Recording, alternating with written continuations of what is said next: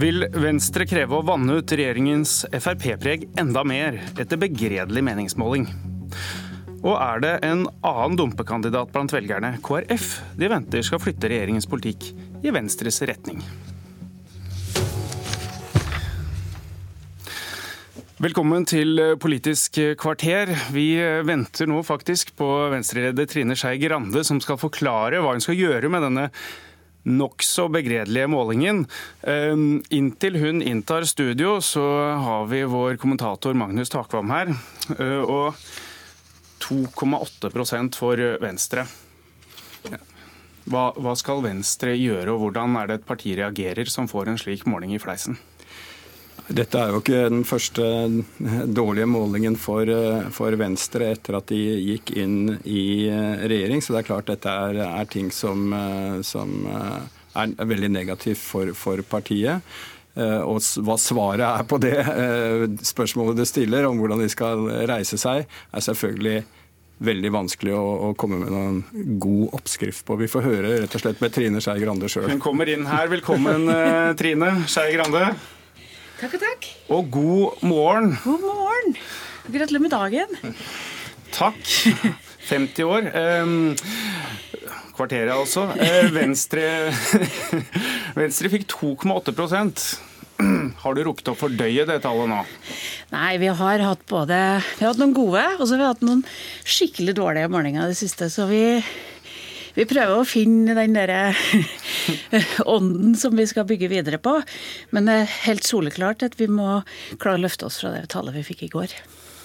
Eh, hvordan påvirker altså såpass dårlige målinger? Det er opplagt at um, velgerne er jo ikke veldig fornøyd med hva de ser og hva de kan forvente av dere, og når de ser på hvilke løsninger de ser for seg at de politiske partiene har å tilby dem.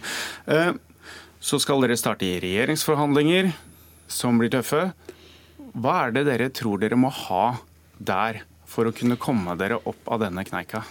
Nei, Jeg tror at mange er litt sånn avventende hva Venstres rolle i regjering skal være. Og det tar litt tid å få det fram. Eh, det har tatt eh, ni måneder å få fram både en kulturmelding og snart en frivillighetsmelding på mitt område f.eks. Vi var veldig fornøyd med statsbudsjettet.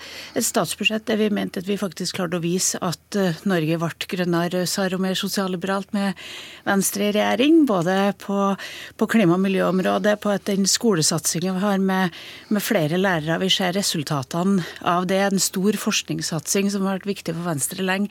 Og så forsvant nok mye av statsbudsjettet i en annen debatt i et annet parti. Det ble ikke så stor oppmerksomhet rundt statsbudsjettet som vi hadde ønska oss. Har det blitt stående for mye i skyggen av Kristelig Folkeparti? Er det du mener er en viktig årsak? Nei, det, det, det, har vært vanskelig i høst å komme på med egne andre saker. Det har vært vanskelig også å stå imot en debatt der, der ganske grove karakteristikker av Venstre har full i, mens vi måtte ha sittet og sett på det. Det har selvsagt påvirka litt humøret i partiet, men jeg tror at vi har et utgangspunkt til å vise hvordan vi skal gjøre Norge grønnere. Vi har vist f.eks. at nå klarer vi å både ha økt sysselsetting flere kommer i jobb, eh, vi får til økonomisk vekst, og lell får Men, vi kutta utslippene. Og likevel og går det veldig det dårlig med dere på målingene.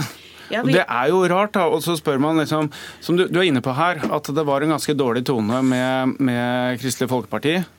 Eh, Knut Arild Hareide. Syns du han rakka ned på regjeringen, var det det som var problemet til slutt? Nei, jeg skal ikke gi noen andre skylda, for da er det noen andre som må fikse problemet òg. Jeg mener jo at dette må Venstre klare sjøl. Klare bli dyktigere til å få fram politikken vår. Vise forskjellen. Vise at nå er det ikke noe snakk om å bygge ut i Lofoten og Vesterålen fordi at Venstre sitter i regjering. Nå må vi få gjennom gjennomslagene våre og vise at forskjellen er Venstre når vi er i regjering. Men alle de sakene som du tar fram hele tiden, du, du har jo snakket om dem lenge og mange ganger og likevel så går det som det gjør. Men hvis vi skal ta og spørre om en konkret ting som vil komme i, i plattformen. Spørsmålet KrF, flyktninger, kvoteflyktninger. Hvor skal innvandringspolitikken til denne regjeringen gå? Eh, de vil ha 1000 flere kvoteflyktninger, støtter dere det? Ja, Venstre mener at det, og i hvert fall i en tid der det kommer så få asylsøkere til Norge, skal vi ta et ansvar for kvoteflyktninger. Så det er forutsatt av at eh, det kommer få flyktninger, slik vi skal ta vår del av det. Vi skal ta vår del av ansvaret. Eh, internasjonalt. KrF vil ha det uansett. Ja, nå er det sånn at eh, De rød-grønne tok imot 1000 kvoteflyktninger i året. Eh, vi er nå det femte største landet i verden i faktiske tall. Så vi tar imot 3000. Jeg ser at Senterpartiet nå kjører alternative budsjetter med færre kvoteflyktninger, eh, som noen i KrF ville gå i regjering med for å få denne regjeringa rausere. Jeg merker meg at vi har veldig store gjennomslag på dette, dette, området også, og da må vi bli bedre til å få fram de gjennomslagene. Men, men vil dere støtte 1000 flere flyktninger, kvoteflyktninger, uavhengig av om det kommer flere flere, flere asylsøkere til Norge? Nei, Eller vil dere støtte Hvis vi opplever en flyktningbølge som vi gjorde for noen år siden, så mener jeg det faktisk er feil. Så det forutsetter det? Altså, vi må ta vårt ansvar internasjonalt. Det gjør Norge. Men det betyr ikke at vi skal gjøre det altså, uansett om vi står i store flyktningepress sjøl, eller om vi er sånn som nå, vi får få asylsøkere. og Da tar vi imot flere kvoteflyktninger.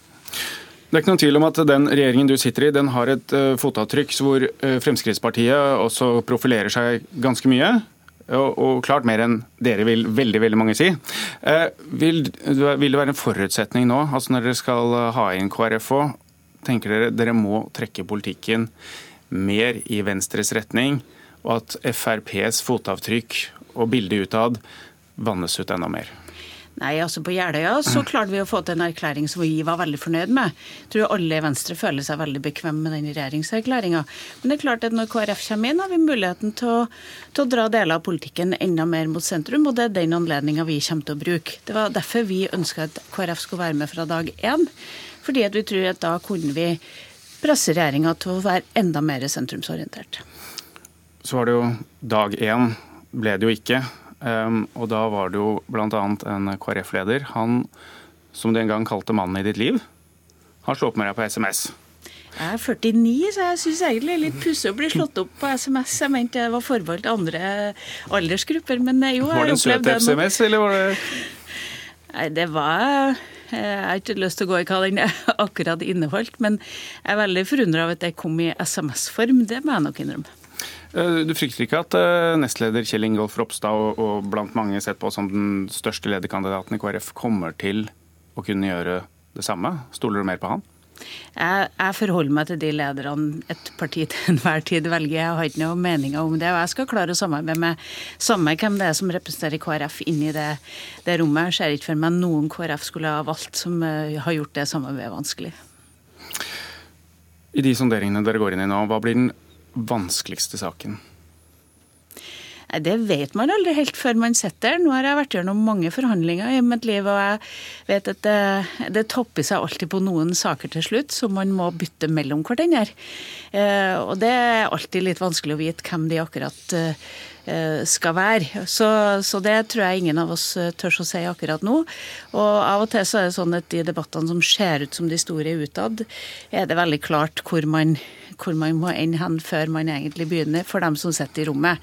Men, så jeg tør ikke å si hva det er som blir vanskeligst her, men de utfordringene vi må løse, det er spesielt klima- og miljøutfordringene. Jeg håper jo at KrF blir med på det laget som, som prioriterer det høyt inn i, inn i, disse forhandlingene, fordi at siden Jeløya har det kommet en ny FN-rapport som sier at dette er enda mer alvorlig enn hva vi trodde det var. og Det må vi ta politisk også. Og så håper jeg jo at mye av de satsingene som ligger i Jeløya på, på mange av de andre feltene, feltene som det vi har fått til på forskning, det som ligger i satsinga på skole- kunnskapsfeltet nå, det håper jeg at vi får fortsette med og jobbe videre med, for det viser seg at det lykkes. Du har klart sperregrensa to ganger. Alle gangene jeg har prøvd, i hvert fall. Ja, Klarer du tre, blir det første gang siden 60-tallet for Venstre. For lykke til, for vi skal over til meningsmaskinene. Uh, og, uh, Jens Kiel, kommentator i Bergens Tidende, velkommen. Tusen takk. Eh, du skrev i skuggen av Krossen, da Kristelig Folkeparti dominerte politiske nyhetsbildet totalt med sitt eh, veivalg, og Venstre nærmest forsvant i bakgrunnen, bakgrunnen med sin nedtur. Eh, problemene Venstre står i nå, hvilke velgere og med hva er det de skal vinne dem tilbake? Det må de jo finne ut av sjøl, men jeg tror at det partiet må spørre seg hvem er Venstre til for? Eh, de valgte regjering og regjeringsmakt, men de valgte samtidig at Abed Raja skal ha en slags rolle som, eh, som angrepsfyr mot Sylvi Listhaug nærmest kontinuerlig. De velger å være partiet Litt for og litt mot EU, for å breie ut og stramme inn velferdsstaten. Eh, for å prioritere bygda, for å prioritere byen. Og Da er det vanskelig for folk å vite hvor de egentlig har Venstre. Og så tror jeg de har valgt litt eh, smale saker. Altså, De har statsråder nå som er ganske usynlige, eh, med unntak av Trine Skei Grande, da, på eh, klima og miljø og på eh, høyere utdanning. Og sammen med kultur så er det området hvor det finnes ganske få eh, velgere i Norge, sånn som det ser ut eh, nå. Ja. Du nevner også når du snakker, nå, så snakker du om by, by, og land. Du er både for by og for land. Altså, må, står, Kan Venstre stå overfor et veivalg de også, når det gjelder om de skal være for håper å si hvem de skal være til for? Jeg tror jo at det vil presse seg fram, og det ser vi jo at det er sterke krefter i partiet som ønsker. Altså, noen som ønsker et sånt liberalt storbyparti som er uh, grunnleggende for EU, for eh, frihandel, for marked osv. Og så et mer sånn Terje Breivik, bygde Venstre, som vil representere en, en, en, annen kurs, kanskje det mer klassiske lærervenstre. Kort, Tror du Venstre nå har nådd bunnen? Nei, det finnes aldri noen som kan si noe om hvorvidt de har nådd bunnen eller ikke. Men det er klart at det er, litt, det er en fordel for dem hvis det roer seg litt rundt KrF, og at det igjen kan være mulig å få snakke venstrepolitikk i monitor. Sånn at jeg tror at det kan jo være på en måte førjulshåpet for eh, Venstre. Men det har altså ikke vært over snittet på målingene siden juni. Og sånn har de duppa opp og ned siden mennesket satte sin fot på månen på 60-tallet. Så det er vanskelig å vite med Venstre, altså. Det er en jobb å, jobb å gjøre, i hvert fall. Uh, Magnus Takvam, kommentator her i, i, NRK. Fire partier i regjering. Hvis det blir sånn, blir det trangt? Ja, det kan det bli. Eh, Kjell Magne Bondevik sa jo eh, i sin tid, da vi hadde en periode med mange mindretallsregjeringer og Arbeiderpartiet Eh, kritiserte det, at eh, han for sin del så veldig store fordeler i mindretallsregjeringer. Og det kan man diskutere fram og tilbake. Men det er klart at eh, det er også en nedside ved å gå inn i da, en flertallsregjering for særlig selvfølgelig de små partiene, som er avhengig av å profilere seg på et par eh, enkeltsaker. Eh, som vi ser er det politiske spennet åpenbart mellom Fremskrittspartiet og Venstre, Fremskrittspartiet og KrF. Det som er utfordringen i eventuelt ny flertallsregjering. Og med erfaringen fra den rød-grønne flertallsregjeringen, så blir det lett slik at det er det store styringspartiet som, som vinner på det, mens de små eh, ikke klarer å profilere seg. Så det er åpenbart en utfordring eh, i den sammenheng også for, for eh, da KrF og, og Venstre nå. Så så vi i, i valget i 2017 så fikk Venstre et kraftig løft på slutten. Også mange taktiske velgere. Hvordan uh, vil dette kunne se ut nå framover mot uh, eh, 2021? Det er ganske langt, men likevel. Det er et parti som har slåss med sperregrensa og har erfaring med det.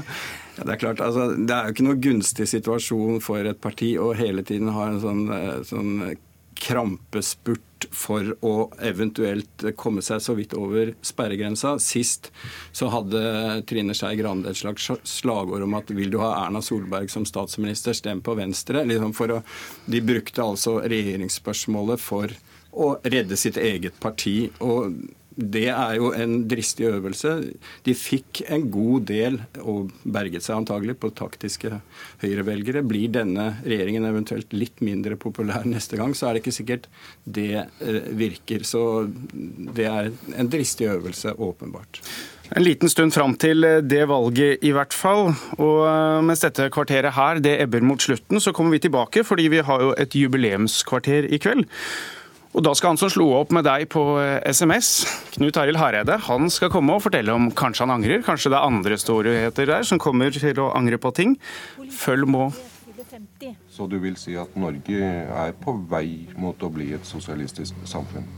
Uh, ja, jeg, jeg, vil si det. Vi kommer aldri garanterer at vi aldri kan sitte i regjering med Frp. Vi kan ikke bidra til at de blir danna. Jeg har hele tiden regnet at, eh, at jeg kan dagdrømme om å bli statsminister. Men vi er ikke interessert i makt uh, for enhver pris. Det blir jubileumssending onsdag på P2, NRK2 og nrk.no.